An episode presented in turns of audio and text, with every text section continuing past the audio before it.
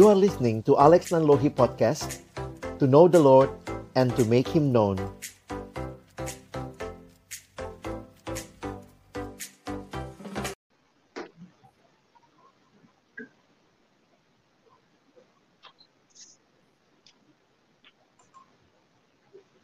Halo, selamat malam teman-teman sekalian. Selamat malam Bang Ray, apa kabar?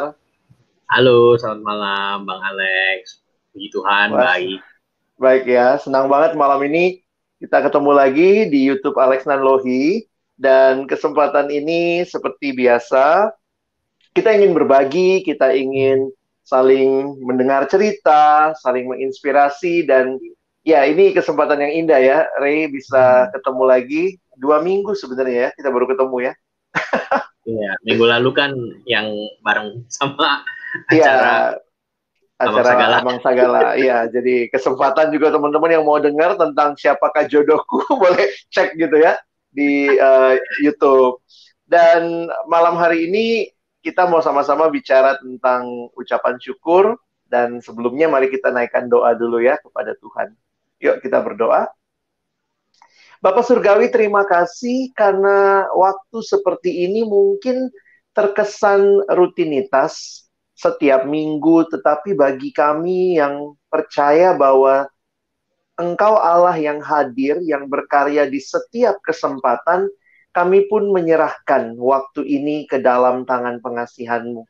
Tuhan yang kiranya malam hari ini juga memakai setiap kami dalam siaran ini, dan juga setiap yang mendengarkan baik secara live maupun juga yang nanti mendengarkan uh, siaran ulang biarlah Tuhan melalui kesempatan berbagi sharing kami boleh sama-sama makin mengerti dan meyakini apa yang menjadi rencana dan kehendakmu yang indah dalam hidup kami. Bersyukur buat waktu ini, menyerahkan waktu ke depan, Tuhan yang memimpin dalam nama Yesus kami berdoa. Amin. Oke, Ray, gimana? Apa yang mau kita bahas sih malam hari ini? Ya, uh, shalom, selamat malam teman-teman semua yang bergabung. Uh, hari ini kita mau bahas tentang uh, Thanksgiving ya, atau uh, hmm. mengucap syukur atau bersyukur. Kenapa sih kita ngangkat tema ini? Uh, mungkin ini kan udah bulan November ya, dan iya uh, nggak berasa ya nggak berasa berasa sih cuma maksudnya uh, ya kadang-kadang kemarin sempat mikir juga gitu ya dari masa pandemi bulan Maret hmm. kayaknya baru selesai tiba-tiba nggak PSBB apa PSBB eh sekarang udah bulan November aja kayak gitu iya, dan iya. ada banyak hal atau ada banyak kejadian yang yang mungkin yang aku yakin pasti kita alami dan mungkin itu memberikan banyak respon nanti memberikan kita banyak perasaan. Nah, malam hari ini kita mau bahas uh, dan mau dengar juga sih ya cerita dari teman-teman hmm. kita bagaimana mereka melihat uh, tahun ini dan kalau berbicara tentang bersyukur tuh apakah uh, bersyukur tuh kayak gimana sih? Maksudnya apa pengalaman mereka? Apa hal-hal yang mereka syukuri atau hal-hal yang mereka uh, lihat sebagai uh, tantangan atau masalah dan hmm. apakah bersyukur tuh kayak ya udah deh disyukur-syukurin gitu atau atau kayak gimana? maksudnya syukurin, syukurin gitu ya. nah, maksudnya up, gimana gitu ya? Maksudnya kadang-kadang ya pengalaman yang memang nggak enak emang bikin nggak enak gitu ya. Iya. Gak, tapi tapi uh, bagaimana mereka mungkin menjalaninya atau mungkin ya masih bergumul di dalamnya. Nah, dari cerita-cerita itu nanti kita mungkin juga bisa sambil berbagi gitu ya, hmm. apa sih yang kita yakini tentang yeah. bersyukur atau melatih diri berdisiplin mengucap syukur sebagai bentuk kasih kita kepada Tuhan dan kepada sesama kita. Mm -mm. Dan kita juga kasih kesempatan ya buat teman-teman yang menonton, yang ingin sharing juga ya di live chat. Apa sih yang jadi pengertian ucapan syukur atau hmm. apa yang teman-teman syukuri? Dan malam hari ini ini tanpa sengaja ya, bukannya kita sengaja, tapi semua narasumbernya laki-laki gitu ya. Dan okay. Ray akan menemani mereka bincang-bincang, jadi silakan Ray akan menemani, akan memperkenalkan dan silakan Bang Ray. Oke, Terima kasih. Aku mundur dulu ya, Bang Alex. Ya, teman-teman semua, kita bersyukur hari ini ada lima orang abang. Uh, ini ada boy band, boy band dadakan yang mau berbagi sama kita apa yang mereka alami, apa yang mereka syukuri, ataupun juga maksudnya di masa-masa sulit apa yang Tuhan pimpin. Nah, kita mau dengar cerita mereka. Uh, aku akan sambut dulu, aku akan munculin semua dulu. Ada banyak nih ya. Ada uh, Halo teman-teman semua. Selamat malam. Halo, halo Bang Rey. Ini malam. halo teman-teman. Halo. Uh, tiga kacamata, tiga enggak, kayak gitu ya. Satu, satu Ernest. Terang benderang sendiri ya. Oke. Okay. ya, uh, kita mungkin mau kenalan singkat dulu gitu ya. Nanti baru kita bisa dengar ceritanya. Uh, kita bergiliran kali ya, boleh kenalan nama, nama mungkin udah ada ya tapi maksudnya lebih ke arah sekarang domisili di mana terus mungkin aktivitas atau pekerjaan sedang apa sekarang jadi kita boleh sharing. Oke kita mulai dulu dari bang Ruben silakan. Oke shalom teman-teman semua. Uh, perkenalkan namaku Ruben. Saat ini sedang live streaming di channel YouTube Canda ya. Saat ini Oh, ini live streaming ya? Baru tahu gue. Baru tahu gue ini live streaming loh. kayak kayak bercanda kayak bercandaan tahun 90-an nih ya. Saat ini berdomisili di Jakarta Pusat. Uh, pekerjaannya adalah uh, melayani di Perkantas sebagai staf mahasiswa. Terima kasih teman-teman. Hmm. Oke, itu gitar banyak tuh di belakangnya. Iya, tapi nggak bisa diambil. Jualan. Oke, okay, thank you Bang Ruben. Kita boleh lanjut ke Bang Aris, silakan. Oke, okay, shalom teman-teman. Kenalin aku Aris. Seperti yang udah tertulis namanya ya. Aku sekarang di Singaraja. Teman-teman yang nggak tahu Singaraja, Singaraja itu ada di Bali. Tapi Balinya di atas banget, di utara. Oh. Ya, aku di Bali. Uh, sekarang aku melayani di uh, pelayan mahasiswa di Perkantas Bali. Hmm. Thank you Bang Ray. Gimana gimana kondisi Bali COVID ini Bang Aris? Maksudnya uh, masih banyak turis gitu atau atau gimana sih kondisi di sana? Uh, turis domestik banyak sekarang ya, ada mulai banyak. Mungkin turis internasional yang hmm. uh, wisatawan asing yang belum. Kayak hmm. sekarang liatnya covid ini kayak nggak ada ya. Iya iya. Makin ini karena makin apa gitu oke. Semoga tetap sehat-sehat di sana dan tetap apa teman-teman pelayanan di sana jaga-jaga protokol juga ya.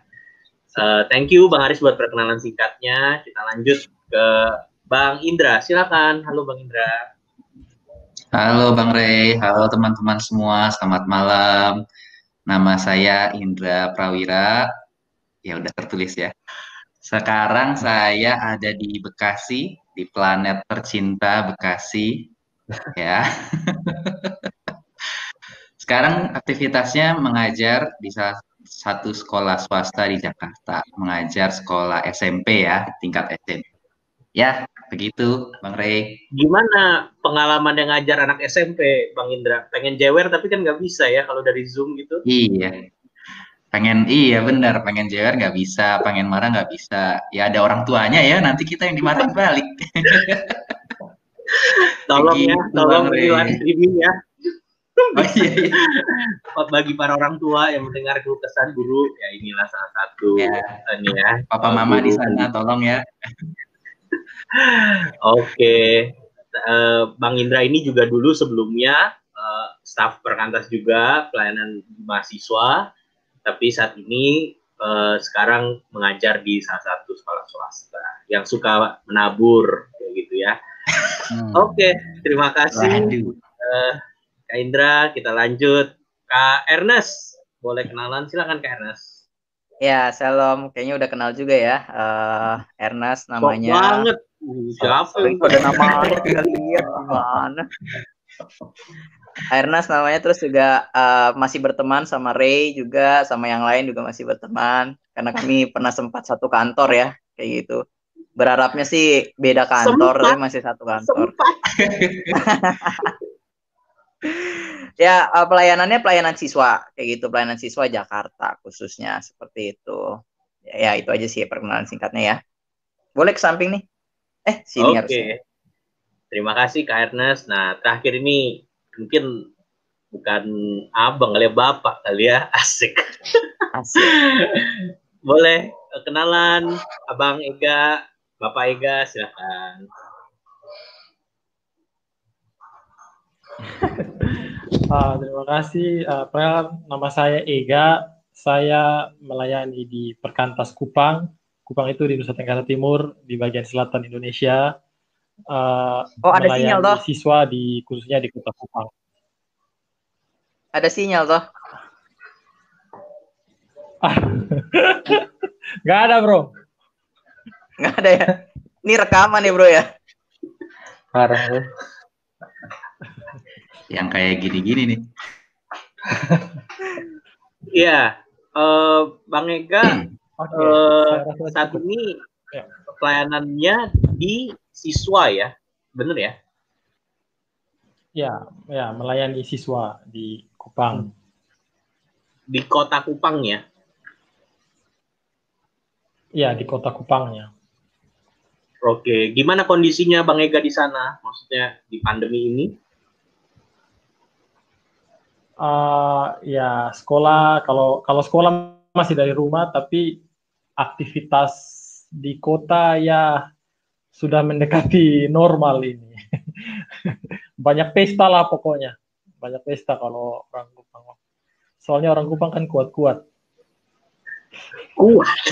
Kuat apa maksudnya? Kok kuat jadi pesta? maksudnya? Tahan sama covid maksudnya. Oh, oh. ya ampun kita di sini Jakarta mau ya, pesta aja ya, banget ya. Curhat, curhat. Oke. Okay. Curcol, curcol. Iya, terima kasih uh, Bang Ega buat perkenalannya. Nanti kita bakal ngobrol-ngobrol uh, lebih lanjut lagi.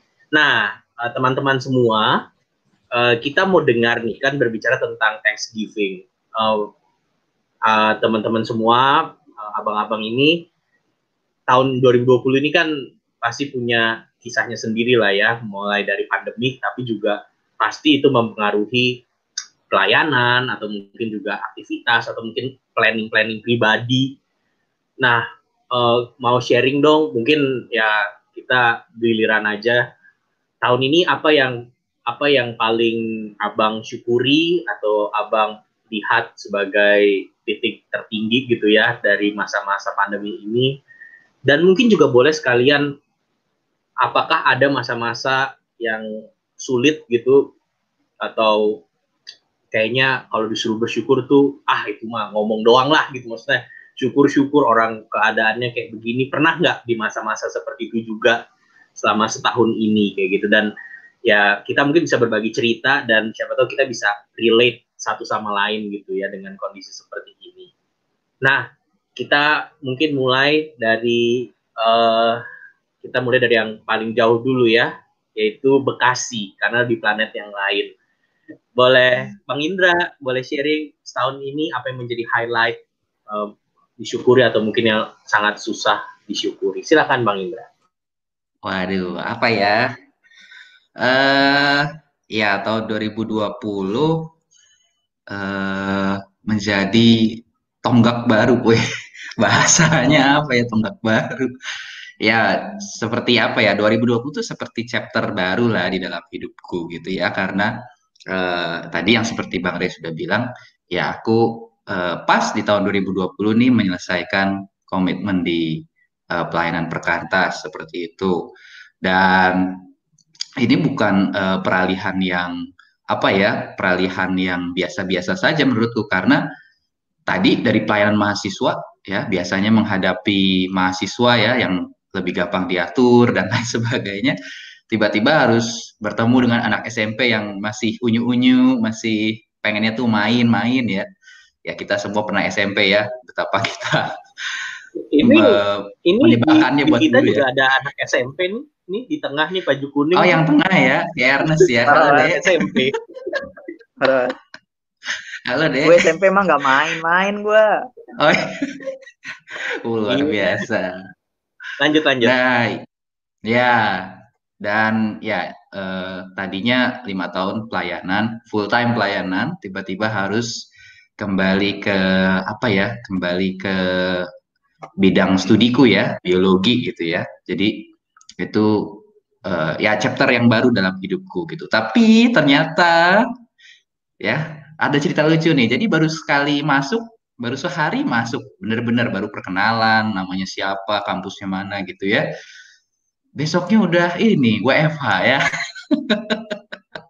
Jadi jadi tidak pernah di bulan bertemu. Maret berarti ya mulainya? Iya di bulan Maret bener banget. Itu aku masuk pas berita di Depok tuh heboh tuh. Uh, COVID pertama di Depok aduh. Ya besoknya langsung uh, eh, WFH jadi kayak aduh ini kenapa? Gitu ya lagi super excited gitu uh, deg-degan juga sih tapi tiba-tiba langsung harus WFH gitu. Dan itu lama ya sampai hari ini ya sampai hari ini masih uh, eh, WFH jadi nggak bertemu nggak belum pernah bertemu sama sekali dengan siswa-siswi yang kuajar belum pernah tatap muka secara langsung cuma lihat uh, lewat zoom doang gitu. Nah itu yang apa ya buat aku tuh kayak aduh ini kenapa sih begini? gitu ya. Udah udah seneng gitu udah seneng nih bisa bisa apa ya uh, bisa bukan bisa keluar dari perkantas ya bukan ya tapi udah seneng gitu bisa bisa memasuki chapter yang baru gitu. Eh ternyata oh, ada waktu covid gitu. keluar perkantas yang lain ketawa sih ini apa ini maksudnya ya? Terwakili terwakili terwakili. Bang Ernest paling paling paling ini paling senyumnya paling ayo. Aduh okay, okay. aduh Ernest kamu ya kenapa ya nah terus uh, ya itulah. Maksudnya udah seneng eh tiba-tiba seperti itu. Dan itu cukup berat sih menurutku ya cukup berat. Karena uh, aku harus adapt kan aku harus adaptasi tentunya dari mahasiswa ke anak SMP yang kedua harus adaptasi dengan Zoom Google Meet Google Classroom ya. Semua mau per Google Googlean itu online itu. Jadi itu adaptasi yang menurutku dua adaptasi yang berat banget buat aku kayak gitu. Dan ya itu sempat ngerasa down sempat ngerasa bingung ini kenapa sih begini? gitu ya. Uh, dan akhirnya juga ini merasa kayak bonding dengan anak-anak tuh juga belum dapat karena ya itu belum pernah bertemu dan uh, ujung-ujungnya kalau mau ngelucu nih di zoom gitu ya di kelas jadi jayus. Jadi jayus jadi klik-klik sendiri gitu. Sedih sedih gitu ya. Nah jadi itu sih jadi kayak belum dapat bondingnya juga gitu itu mungkin bang Re ya yang apa ya 2020 yang teringat jelas gitu buatku gitu. Hmm. masa-masa sulit. Oke. Okay. thank you bang Indra. Ya mungkin teman-teman juga pernah ngalamin ya maksudnya uh, justru di awal tahun dapat kesempatan sesuatu udah expect sesuatu tiba-tiba uh, berubah kayak gitu itu mungkin juga menjadi cerita sebagian besar dari kita kayak gitu. Thank you buat ceritanya boleh kita lanjut ke bang Ruben Halo, halo. Iya, silakan Oke. Bang. Iya, iya. Sebenarnya kalau tadi Bang Indra keluar, aku masuk gitu ya. aku masuk dan mungkin uh, ya sebelumnya aku bekerja sesuai dengan jurusanku teknik elektro gitu ya selama dua tahun. Terus abis itu uh, join perkantas di awal 2020 gitu awal banget 2020 Januari. Nah, kalau saya kalau kalau kalau apa misalnya mau diceritain gitu ya, waktu masuk kan nggak langsung apa terjun pelayanan gitu kan. Jadi teman-teman kalau maksudnya kalau staf baru di di Jakarta misalnya gitu, eh, aku kemarin belajar dulu tuh tiga bulan belajar gitu kan. Jadi cuma datang ke kantor, baca, belajar ada kelas-kelas, eh, belum pelayanan-pelayanan. Nah sebenarnya aku dalam proses belajar itu ya ada senangnya ada juga bosennya gitu kan. Karena wah gue join perkantas sih mau pelayanan nih bukan mau uh, belajar belajar gitu kan. Jadi rasanya tuh pengennya cepet kelar tuh tiga bulan belajar itu. Ya udah aku jalanin aja belajar. Januari lewat ya. Februari lewat. Ah tinggal Maret. Wah Maret nih bentar lagi gue selesai. Eh Maret belum selesai sudah harus WFH jadi mirip-mirip sama uh, Bang Indra juga gitu kejadiannya. Ya akhirnya uh, harus beradaptasi uh, ya gimana ya aku kan orangnya sangat ini ya sangat pengennya tuh ya maksudnya gini kalau sebelum pandemi itu aku satu hari bisa di berbagai tempat teman-teman. Tapi nggak mau hadir ya. Maksudnya pindah-pindah gitu. Pindah-pindah ketemu si A si B si C gitu. Artinya orangnya itu nggak bisa diem gitu. Tiba-tiba harus dirumahkan kasarnya gitu. Nah itu di rumah kan di, di, di serem banget. Dirumahkan oleh ini oleh pandemi bukan oleh, oleh perantau oleh Tuhan lah rumah oleh Tuhan. Enggak lah. Ya itu bergumul teman-teman bergumul karena nggak bisa ketemu orang nggak bisa ketemu apa mahasiswa yang dia layani. Akhirnya semangatku itu uh, sempet drop banget sih sempet drop banget karena uh, ya gimana ya aku pikir sukacita melayani mahasiswa adalah ketika bertemu mereka gitu. Tapi ketika nggak bisa bertemu jadi gue pelayanan apaan nih kayak gini? gitu udah mana apa kan mahasiswa kan hemat kuota gitu jadi kan nggak nyalain kamera semua gitu biar biar lebih lancar juga. Eh, nggak e, bisa dipaksa juga lu nyalain dong gitu biar gue senang. Kan nggak bisa gitu juga. Jadinya e, sempet awal-awal WFH itu e, kehilangan semangat gitu ya. Apa pelayanan-pelayanan tetap dikerjakan, tugas-tugas gitu pekerjaan, tapi eh, bergumul banget untuk bisa bersyukur di dalam masa pandemi ini, gitu sih. Tapi puji Tuhan sih, maksudnya aku sampai hari ini masih bergumul ya, mungkin ada yang ya pandemi udah nggak relevan lagi, gue udah biasa, gue udah menyesuaikan diri nih. Kalau menurut gue sih, gue sendiri belum ya teman-teman, maksudnya belum bisa terima, oh ya udah covid ya udah gue pelayanan online gitu Nah itu masih ada perasaan kenapa sih harus kayak gini gitu? Kapan sih kelarnya gitu sih? Itu aja okay. kali. Thank you Bang Ruben buat ceritanya. Uh, ya, kada, maksudnya aku salah satu yang aku tangkap, maksudnya pandemi bukan cuma menghalangi rencana, tapi juga mungkin karakter-karakter kita yang biasanya lebih prefer begini, lebih prefer jalan, lebih prefer ketemu, itu pun juga mungkin harus berubah gitu. Jadi bukan hanya rencana tapi juga style atau gaya kita beraktivitas itu pun juga mungkin berubah dan ya nyatanya itu pasti nggak mudah gitu ya berdampak.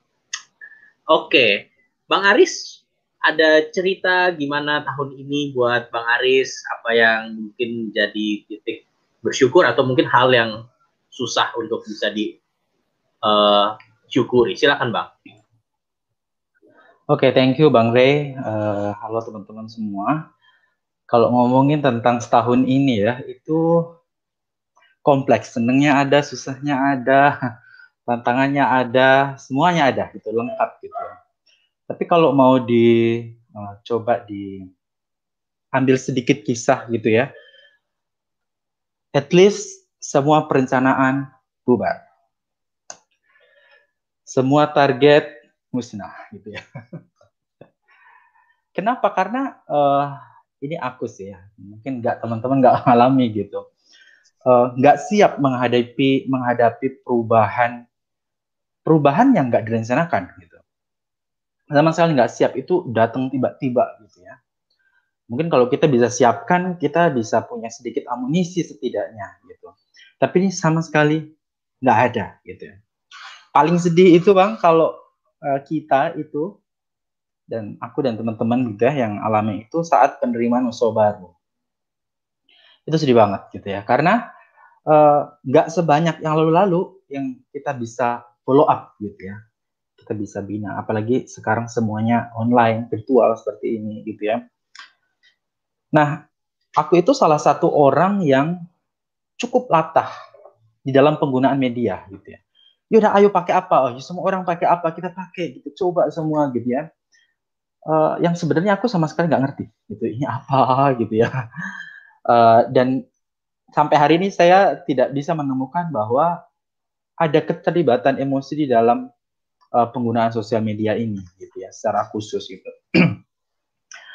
uh, dan ini menjadi sebuah kebiasaan baru seperti yang rekan-rekan tadi sampaikan gitu ya mau nggak mau suka nggak suka maka kita harus lakukan yang juga pernah dialami gitu ya, menghadapi kejenuhan gitu. Nah, jenuh ini bukan hanya akunya ya. Tapi aku nggak tahu kalau teman-teman ya, tapi kita juga menghadapi orang-orang yang kita layani itu juga makin jenuh makin lama gitu. Kita mau mencoba survive gitu ya, merecovery semuanya, tapi kita juga menghadapi situasi eh, orang-orang uh, yang juga mungkin menghadapi kejenuhan jadinya makin kompleks lah persoalan gitu. uh, kenapa menjadi jenuh? Karena belum ada sesuatu yang firm pada waktu itu yang bisa kita lakukan. Gitu. Semuanya dadakan, semuanya baru gitu. Lihat konten-konten gitu ya, terutama konten-konten rohani gitu. Uh, makin banyak berseliweran di sosial media ya. sampai jadi polusi kalau saya sebutnya polusi saking banyaknya gitu tapi nggak termasuk live streaming ini ya jadi karena terlalu banyak sampai orang itu menganggapnya jadi sangat biasa gitu ya udah lewat lewat gitu ya scroll scroll scroll gitu jadi nggak sampai di di digubris lagi nggak dibaca gitu tapi satu hal yang sampai saat ini yang belum menurutku belum bisa diselesaikan dengan kehidupan bervirtualan ini gitu ya itu adalah kehidupan bersama. Sampai saat ini saya sangat kesulitan bagaimana menggantikan kehidupan bersama. Uh, dan itu nampaknya nggak ada dan nggak bisa gitu. Kalau ditanya setahun ini apa yang disyukuri gitu ya, tentu banyak gitu ya. Uh, tapi terlepas dari itu semua berkaitan dengan apa yang aku sharingkan tadi gitu ya.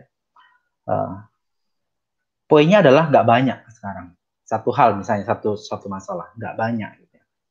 atau mungkin nggak sebanyak sebelum pandemi gitu apa pun banyak ini bisa apa aja gitu tapi dalam satu titik akhirnya aku menyadari satu hal begitu ya bahwa apakah mengucap syukur gitu ya kalau kita ngomongin sekarang mengucap syukur ya apakah aku harus mengucap syukur saat aku mendapatkan sesuatu atau diberi sesuatu oleh Tuhan gitu. Atau mungkin nggak sebanyak sebelumnya atau lebih banyak dari sebelumnya gitu. Terus kalau misalnya aku nggak dikasih sesuatu, apakah itu reason bagiku untuk nggak mengucap syukur gitu? Ah ngeri juga ya bagian ini. Nah akhirnya uh, hal itulah yang kemudian oh iya ya kita harus give thanks gitu. Karena alasan utama aku seharusnya mengucap syukur bukan karena situasi atau kondisinya, tetapi cukup sebenarnya bagiku untuk mengucap syukur karena anugerah itu gitu ya. Nah, itu prosesnya untuk sampai ke situ itu ih, lama banget gitu ya karena menghadapi terjangan yang awal-awal itu nggak apa ya nggak mudah lah mungkin bagi sebagian orang itu hal biasa tapi bagiku yang cukup konvensional gitu ya agak kesulitan menghadapi hal-hal baru yang cukup radikal sih ini ya perubahannya. Kayak gitu sih, Bang Rey. Wah, thank you banget Bang Aris buat kesaksian ceritanya. Aku pikir itu juga mewakili banyak teman-teman lain di dalam pelayanan ya, berbicara tentang kejenuhan, kebingungan, meskipun sebenarnya orang mungkin hingar-bingar bilang udah ada webinar ini atau kita bikin pakai platform ini tapi itu nggak serta merta membuat kembali perasaannya seperti sebelumnya atau tetap ada apa ya kayaknya tembok-tembok gitu yang kayaknya masih susah untuk dilewati dan bersyukur untuk juga apa ya ya aku yakin Tuhan yang pimpin bisa sampai ke kesimpulan seperti itu terima kasih buat ceritanya uh, Bang Haris kita boleh lanjut lagi ya. Kita dengar dari Bang Ega. Boleh cerita Bang Ega secara pribadi atau mungkin dalam kegiatan apa yang tahun ini disyukuri atau ada tantangan apa yang mungkin saat ini masih digumulkan. Silakan Bang Ega. Oke, makasih Bang Ray. Uh, saya harap sinyal di sini berjalan dengan baik. Uh, kalau uh, aku selama beberapa bulan terakhir ini banyak sama seperti Ari sama seperti Bang Indra juga banyak berubah dalam artian karena mengalami suatu perubahan yang akhirnya uh, memaksa untuk uh, saya berubah merubah sikap saya terhadap situasi. Jadi uh, sejak tahun lalu itu berencana untuk menikah bersama dengan pacar saya, terus uh, sementara mempersiapkan rencananya nikah bulan Juli kan dari tahun lalu rencana nikah bulan Juli terus uh, sementara mempersiapkan dan akhirnya di Maret itu harus berhadapan dengan pandemi. Nah, uh, akhirnya ketika berhadapan dengan pandemi itu persiapan pernikahan itu menjadi tidak menentu. Bahkan uh, saya sempat stres dan uh, kehilangan berat badan hampir sekitar 10 kilo tuh kalau nggak salah karena memang uh, karena waktu pandemi kan akhirnya rutin berolahraga juga kan di rumah lari dan lain sebagainya. Jadi itu ya. jadi itu karena stres atau karena olahraga bang Ega? Uh, itu kayaknya gabungan soalnya olahraganya nggak seberapa, cuman beratnya turunnya sangat banyak. jadi mungkin uh, karena dua-duanya. Uh, ditambah lagi karena harus menyesuaikan dengan pelayanan dengan cara yang baru kalau teman-teman uh, di Kupang uh, itu uh, sebelum pandemi ini nggak semua siswa tuh punya smartphone kan? Jadi uh, uh, banyak adik-adik binaan adik-adik KTB itu harus kesulitan untuk dihubungi. Uh, salah satu adik KTB saya pun seperti itu. Jadi uh, tidak bisa dihubungi sampai dua bulan sampai akhirnya dia harus numpang pakai smartphone orang tuanya untuk belajar di sekolahnya secara online dan juga dia menyempatkan waktu untuk KTB.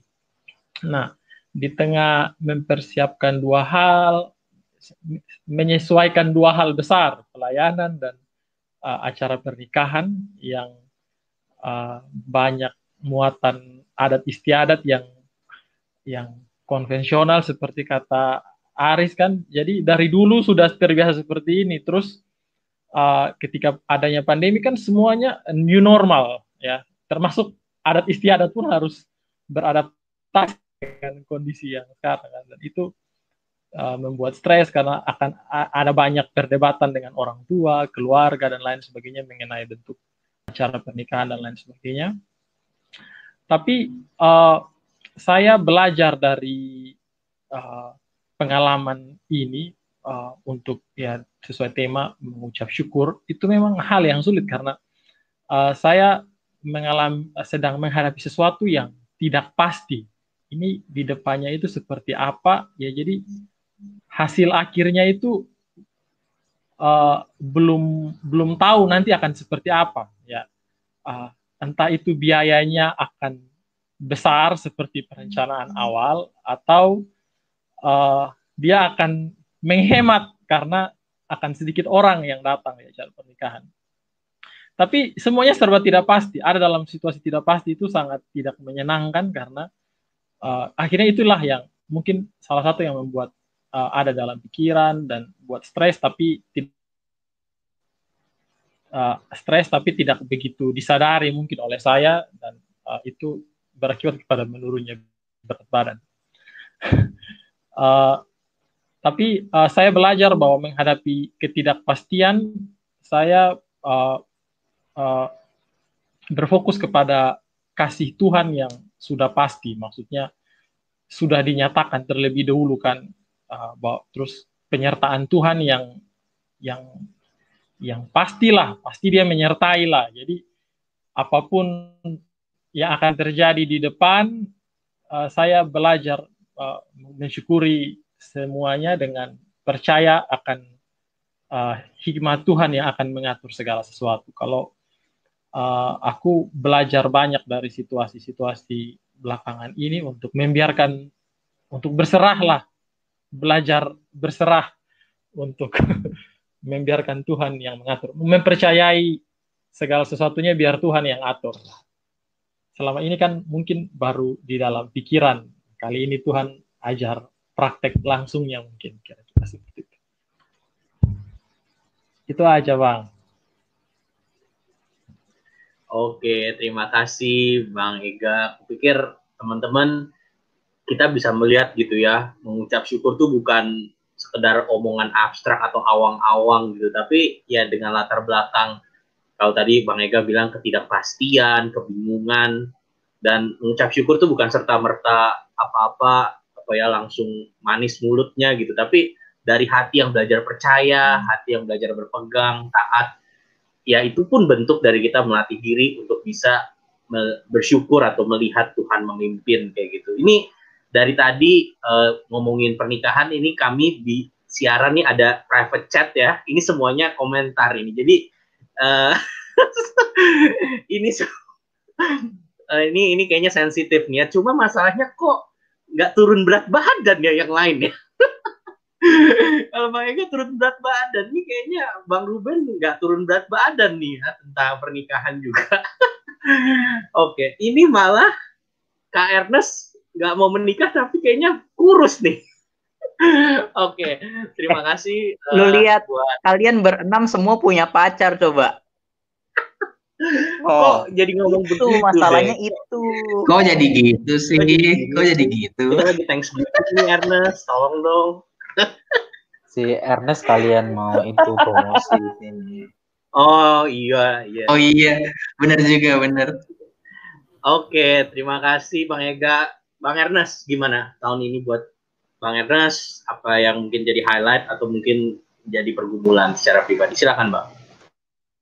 Uh, pandemi ya, rata-rata uh, tahun ini sih menarik ya. Salah satu hal yang menarik itu adanya perubahan yang besar di dalam uh, cara kerja kayak gitu cara berelasi uh, walaupun nggak ada perubahan besar di dalam uh, status seperti itu ya.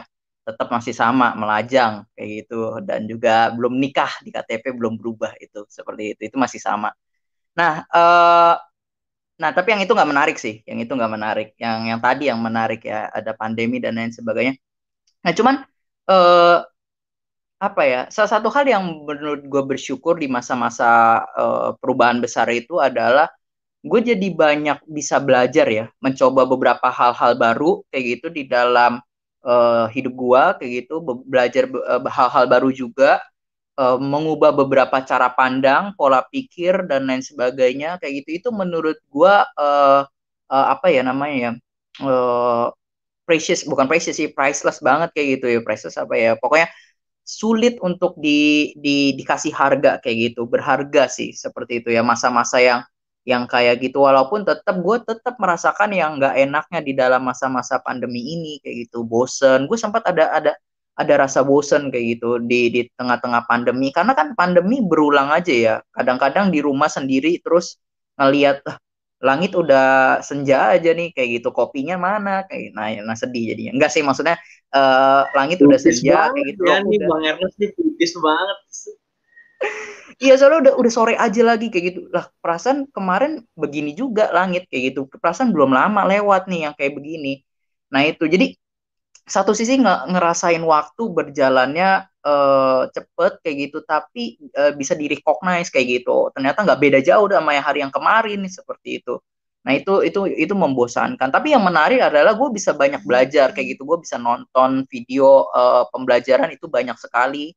Baca buku kayak gitu. Terus juga uh, banyak uh, nulis kayak gitu ya. Nulis nulis pribadi sih ya kayak gitu. Nggak terlalu belum banyak yang gue share juga sih ke ke uh, sosmed ataupun ke yang lain-lainnya seperti itu. Nah itu itu hal yang gua menarik lihat di sosmed gua. banyak puisi itu. Ya beberapa beberapa beberapa. Gue juga belajar kayak gitu ya belajar uh, nulis puisi, ikut lomba juga beberapa kali uh, puisi walaupun ya baru beberapa sih lombanya ya belum belum menang baru oh ini ternyata begini maunya oh begini. Beda-beda sih setiap lomba kadang-kadang ya Nah, jadi daripada gua lama dapat duit, nanti gua kirim lah nomor rekeningnya lah, kayak gitu ya. nanti di private chat deh. Kalau nggak boleh kan di akhir ya akhir acara. Ntar gue kirim seperti itu. Nah cuman eh uh, gue nggak nyangka aja ya gue gue pikir akan berjalan biasa aja seperti itu. Karena udah beradaptasi di masa-masa pandemi dari awal sampai pertengahan pandemi itu.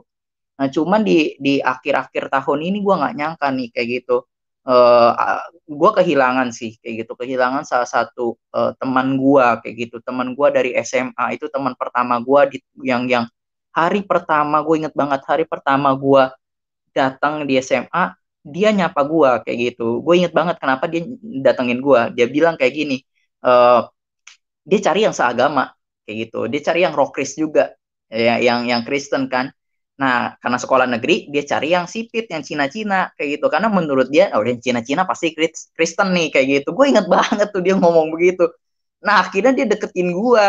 Dan akhirnya sejak itu uh, kami deket lah, kayak gitu. Nah, kemarin dia kecelakaan, kayak gitu. Nah, kemarin dia kecelakaan dan dan meninggal seperti itu. Nah, itu yang yang yang membuat uh, sedih sih. Uh, gua gue juga tadi bergumul gitu ya untuk untuk untuk uh, ikut ini nih kayak gitu siaran ini seperti itu karena kan siaran ini kan di di planningnya dari hari Selasa kayak gitu. Nah, sedangkan kecelakaannya Rabu, gue nggak kepikir. ya mana siapa yang tebak gitu ya kecelakaan. Nah itu tadinya gue nggak mau ikut kayak gitu. Gue yakin tuh kalau gue izin kayak gitu ke Bang Alex pasti Bang Alex izinin. Nah cuman gue lagi lagi waktu itu lagi mikir kayak gitu tadi uh, setengah tujuh lah kayak gitu. Duh gue mau ngechat Bang Alex atau enggak nih kayak gitu uh, uh, untuk untuk nggak nggak udahan. Karena memang masih sedih sih kayak gitu ya. Uh, terus gue mikir juga ah, kan cuma sebentar kok siaran gak lama. Setelah itu kan ada banyak waktu lagi yang lain buat gue sendirian kayak gitu. Untuk untuk mengekspresikan emosi yang lagi gue rasakan seperti itu. Dan gue akhirnya mikir begini sih kayak gitu. Kalau misalnya gue gue ngerasa sedih banget kayak gitu gua rasa nggak akan selesai cuman satu hari ini nih. Dari kemarin gua udah sedih hari ini sedih. Besok juga pasti ya gua masih ter, terpukul kayak gitu. Besok pun gua ada pelayanan. Nah itu. Jadi kalau besok gua pelayanan apa gua mundur juga? Itu gua gua mikir sih seperti itu. Dan terutama yang hari ini. Ini ini kan cuma siaran begini doang. Ada ada yang lain kok. Ada ada ada Ega ada Aris kayak gitu. Ada Indra dan lain sebagainya. Ruben gue pikir nggak perlu gue lagi udah banyak juga orang kan. Nah cuman akhirnya gue mikir sih kan gue di perkantas uh, komit untuk memberitakan firman di perkantas komit untuk untuk bekerja kayak gitu untuk melayani dan lain sebagainya. Nah kalau misalnya gue yakin sih pasti bang Alex izinin kayak gitu. Kalian izinin juga. Cuman kalau misalnya begitu uh, ya berarti gue nggak menjalankan komitmen gue kayak gitu. Gue nggak menjalankan pelayanan gua kayak gitu. Uh, padahal tuh ya itu tugas utama gua memberitakan Injil. Ya itu tugas utama gua untuk melayani kayak gitu. Karena memang gua menyerahkan dirinya seperti itu. Nah makanya akhirnya uh, gua putuskan walaupun kalian udah ngumpul duluan ya gua rada telat tadi kayak gitu. Gua udah tahu tuh uh, uh, nggak ada yang nanyain juga di chat kayak gitu. Gua gua ngerti kalian nggak tahu ya. Mungkin emang kalian nggak peduli sih ya makanya nggak dinyalain nggak ada yang nyariin kayak gitu. Nah itu hmm. pokoknya gue karena karena kalau kita udah janjian 1915 ya kita janjian 1915 nah itu kayak gitu. Itu itu sih jadi titik titik terendah gue sih kayak gitu di di di masa ini kayak gitu. Sebuah kehilangan besar yang menurut gue tuh itu nggak bisa digantikan dengan apa pun ya ditawarin dengan apa pun juga tetap nggak bisa kayak gitu. Uh, mau dikasih harta dikasih jabatan uh, taruhlah gue jadi uh, ketua di Singaraja ya gue nggak mau kayak gitu. Nah itu kecuali dapat mobilnya Aris nah saya mau kayak gitu. Nah itu yang kayak gitu gitu nah itu sih uh, salah satu titik terendah sih di di di uh, 2020 ya yang sejauh ini. Berharap sih nggak ada lagi ya. Dan ya ya kalau mengenang sih sedih banget sih. Ya udahlah gak usah dikenang di sini ya. Seperti itu itu sih yang titik terendahnya ya. Jadi ada beberapa hal yang disyukuri. Dan gue nggak bukan nggak mau dengan yang orang kan selalu bilang pasti ada kalau orang lagi sedih ya ada hikmahnya kayak gitu ada sisi positifnya lihat sisi positifnya dan lain sebagainya. Bagi gue kalau lagi sedih ya sedih aja kayak gitu nggak usah uh, sok-sokan cari positif positif kayak gitu supaya akhirnya mendenial perasaan yang lagi sedih kayak gitu. Tapi ya udah nikmati aja uh, perasaan sedih itu. Kalau nanti setelah lewat ada yang bisa dilihat bisa disyukuri ya bagus kayak gitu. Kalau masih belum lihat uh, belum mengerti kenapa harus terjadi dan lain sebagainya ya udah kayak gitu. Nah itu sih uh, gue nggak nggak mencoba cari. Ya gue tahu ya kayak gitu uh, sahabat gue itu teman gue itu udah bahagia bersama Bapak di sorga kayak gitu. Dan kebahagiaannya itu bersifat kekal dan gak, gak akan bisa dirampas atau hilang lagi. Cuman kebahagiaan gue aja yang saat ini nih lagi dirampas dari gue kayak gitu hilang dari gue nah cuman uh, belum apa ya gue tahu itu ada di sini kayak gitu ada di kepala gue tapi kayaknya butuh waktu untuk pelan-pelan uh, itu tuh menyiram hati gua kayak gitu. Pelan-pelan tuh menyiram tanah hati gua supaya akhirnya tanah hati gua tuh bisa uh, subur lagi seperti itu. Nah itu sih itu kan perlu proses bagi gua. Nggak nggak nggak nggak serta merta nggak kok uh, dia udah udah bahagia kok. Nggak kok udah bahagia kok. Nah itu sih uh, teman gue baik banget sih sahabat gue itu ya kayak gitu. Kemarin juga banyak banget yang datang meski meskipun di masa-masa uh, COVID seperti ini kayak gitu. Nah itu sih yang yang disyukuri dan titik uh, terendahnya kayak gitu, Bang Rey. Oke, okay. thank you Bang Ernest. Mewakili teman-teman yang lain, kita juga turut berduka buat uh, uh, sahabat uh, Bang Ernest dan ya aku pikir teman-teman yang mendengar, aku pikir ya ini cerita yang real gitu ya, maksudnya cerita yang nyata bahwa nggak serta merta semuanya berjalan atau terjadi sesuai dengan apa yang kita pikirkan, tapi di situlah kita berproses, di situlah kita uh, menghadapi dan masuk dalam keadaan itu dan menantikan bagaimana Tuhan sendiri yang akan bisa memimpin dan mengarahkan. Uh, terima kasih teman-teman buat sharingnya. Mungkin aku boleh minta uh, dan ini pun mungkin juga jadi siapa tahu teman-teman bisa jadi kesaksian juga, bisa didoakan sama teman-teman yang mendengar yang lain kalau boleh disimpulkan uh, satu tahun ini Tuhan seperti apa yang sedang dipelajari atau sedang mau semakin diyakini di tengah kondisi seperti ini kayak gitu. Uh, mungkin nggak ya mungkin kayak tadi Bang Enes bilang ya mungkin yang kita simpulkan masih di kepala tapi itu yang menjadi doa kita bisa benar-benar dialami. Jadi siapa tahu itu juga juga menjadi kekuatan buat masing-masing kita dan juga buat teman-teman lain yang mendengar. Aku boleh minta mulai dari uh, Bang Ega dulu boleh? Bang Ega, Tuhan seperti apa yang mau ke depan terus diyakini atau sedang di, terus mau dipelajari? Silakan, Bang Ega. Uh, kalau aku uh, karena ini uh, sekarang mulai babak kehidupan yang baru nih ada banyak hal yang harus dikerjakan memulai keluarga, punya tanggung jawab sekarang jadi kepala keluarga, mengambil keputusan untuk istri dan mungkin nanti ada anak. Aduh, kalau nanti jadi ayah lagi.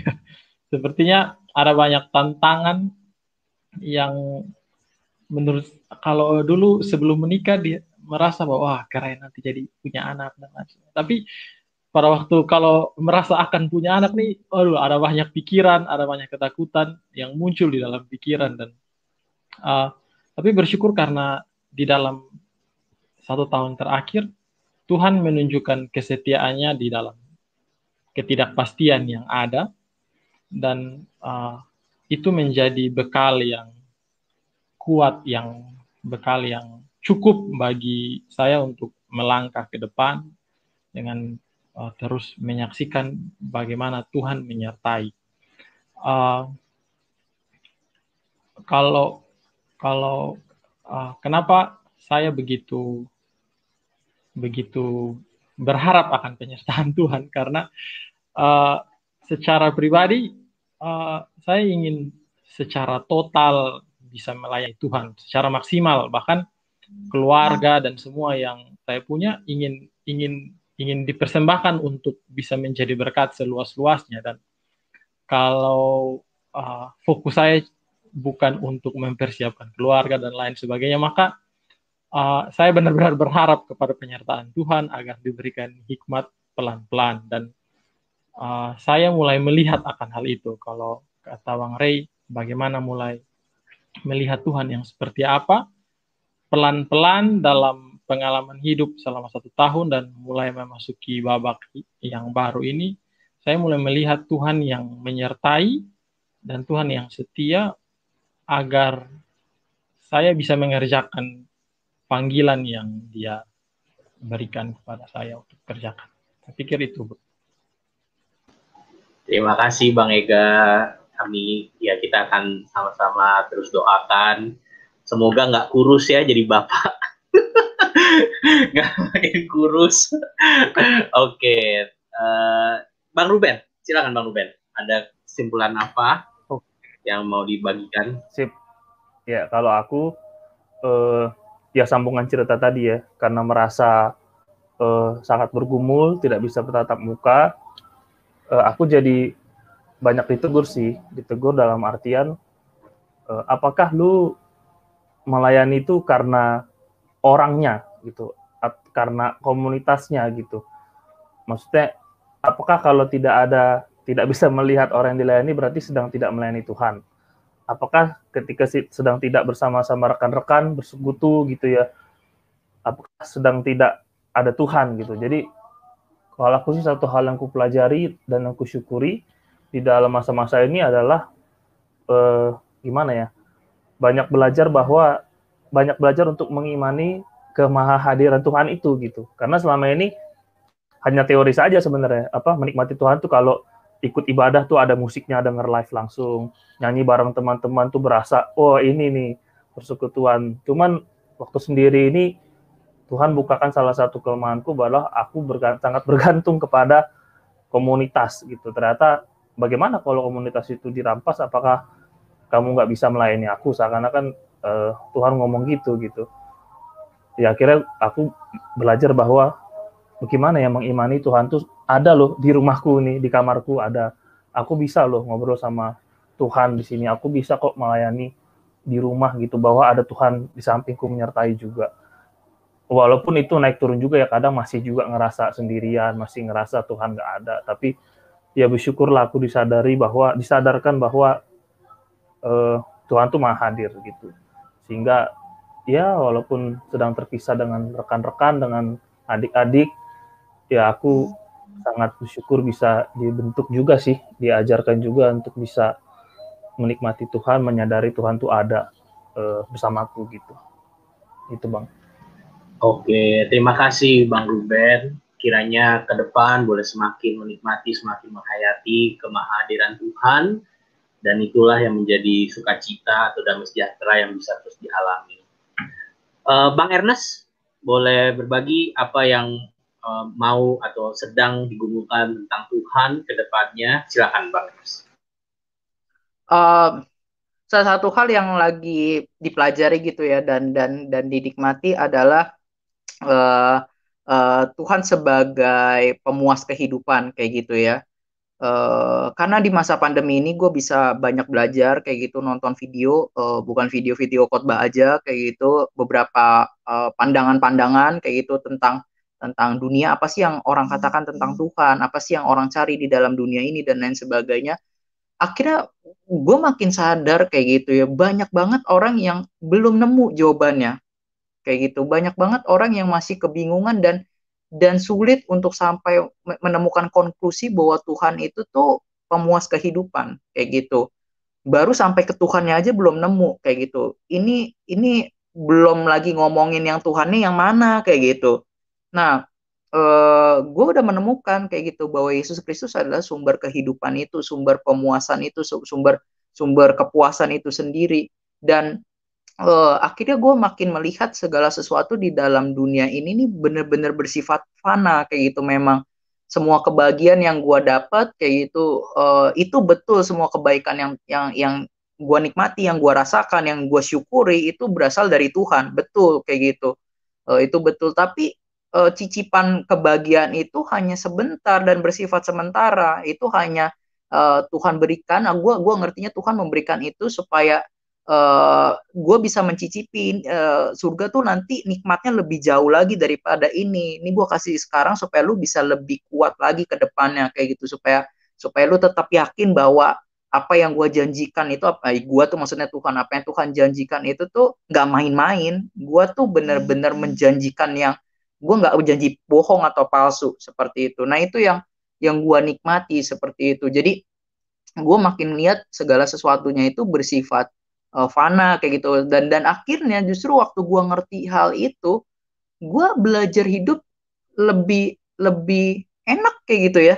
Menjalani, menjalani hidup tuh lebih lebih santai. Santai itu dalam artian uh, bukannya leha-leha kayak gitu. Tapi gue tetap berusaha yang yang gue bisa yang gue mampu kayak gitu. Tapi kalaupun gue nggak dapet gue nggak kekurangan apa pun kayak gitu.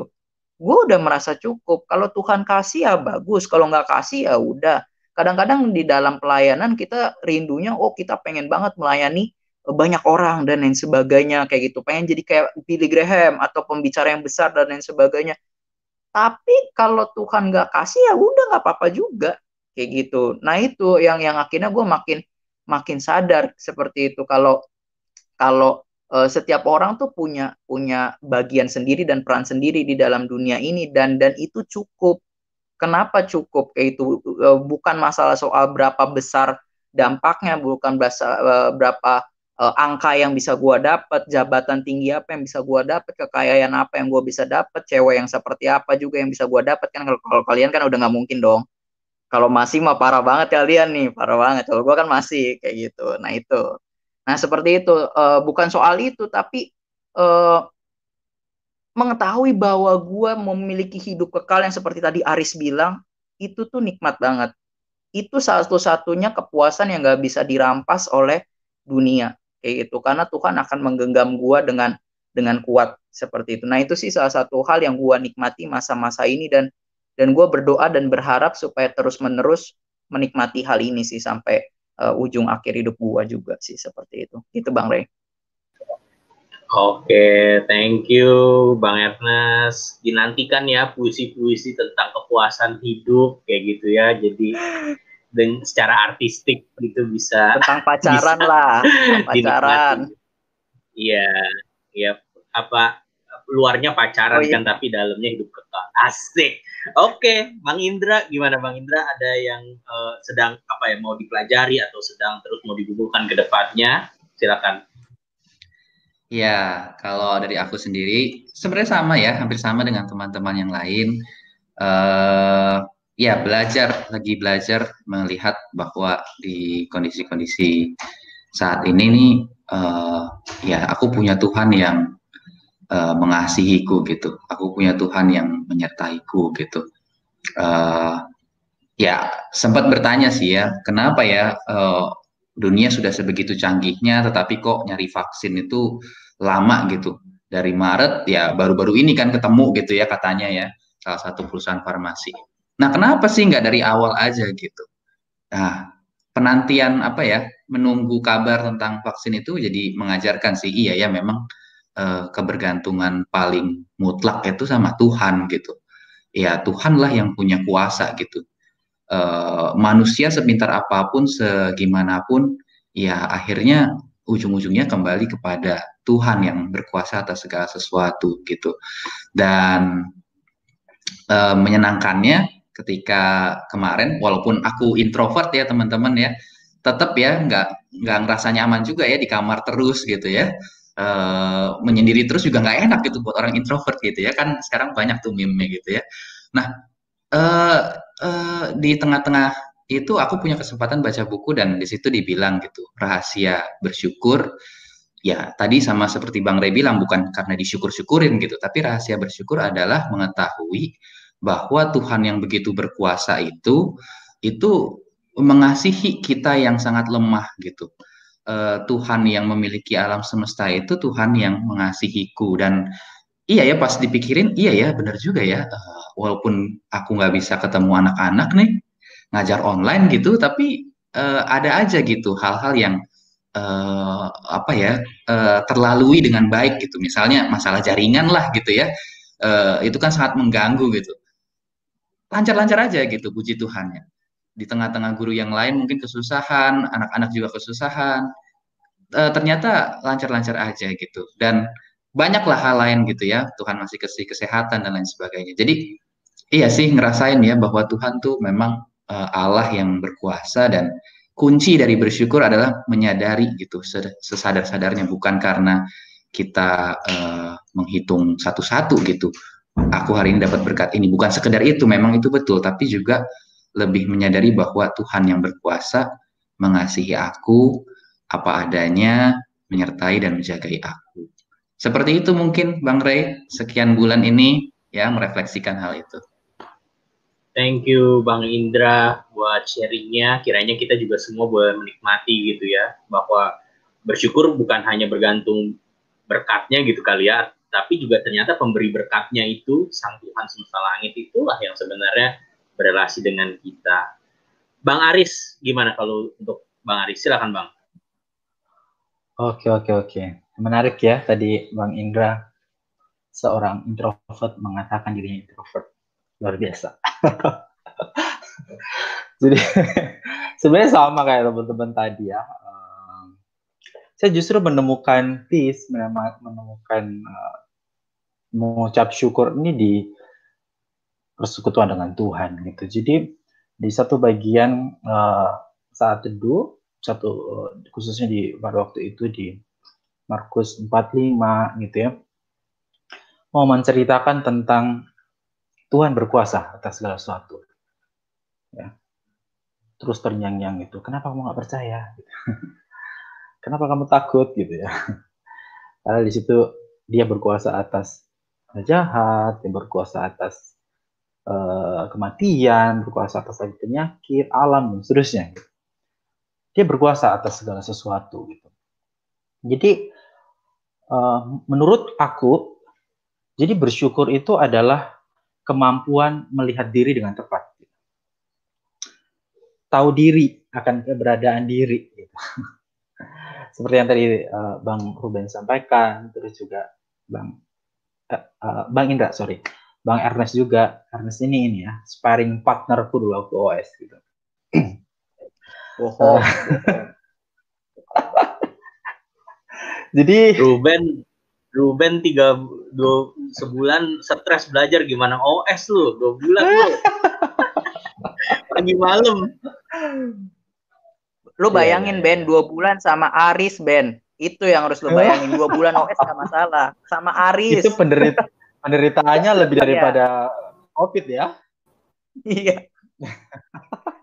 lanjut ya, lanjut Bang Aris. Uh, jadi uh, seperti yang disampaikan oleh Bang Ernest tadi gitu ya tentang bagaimana kita memiliki Allah yang berkuasa gitu ya. Sehingga di dalam ucapan syukur itu aku sedang belajar untuk mempraktekkan kehidupan yang berserah dan bersandar penuh pada Sang Penyelamat itu gitu.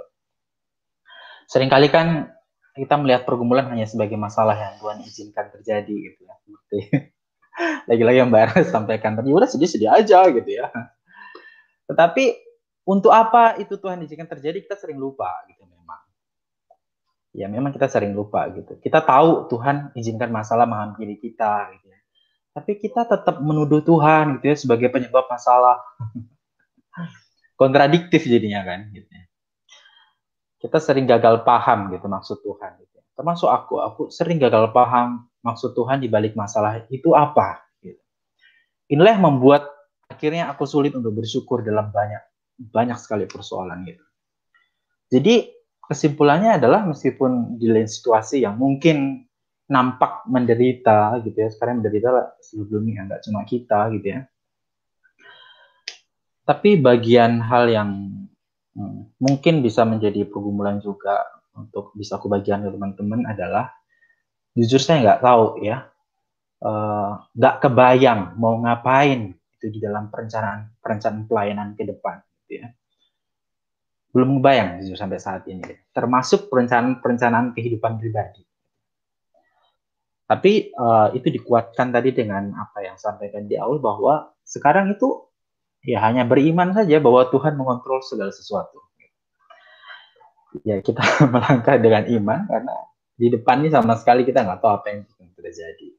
Mungkin bakalan berbeda atau sama dengan yang sudah-sudah, tapi kedatangan tante COVID ini menghampiri kita menjadi pelajaran berharga gitu bahwa segala sesuatu itu bisa terjadi kapan aja, situasi apa aja, siap nggak siap ya kamu hadapi. Yang terpenting adalah tetap bergantung pada Tuhan. Oke, okay.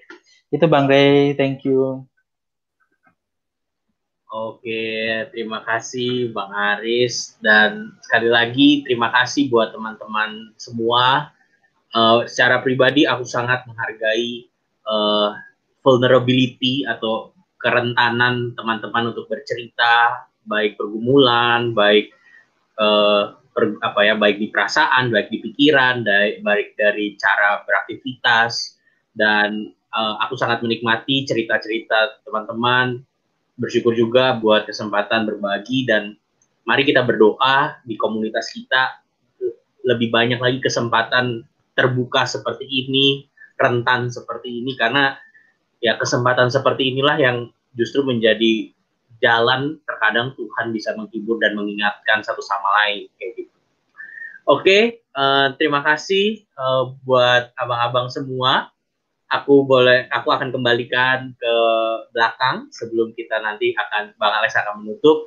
Terima kasih buat sharingnya. Sampai jumpa di kesempatan berikutnya, teman-teman.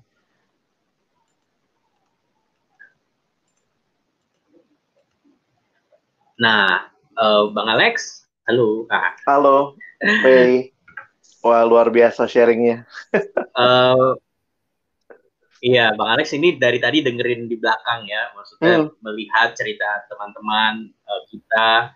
Mungkin Bang Alex sebagai penutup gitu ya, ada yang mau Bang Alex uh, bisa simpulkan atau boleh terus ingatkan buat kita semua di tengah kondisi seperti ini. Hmm. Silakan, Bang Alex.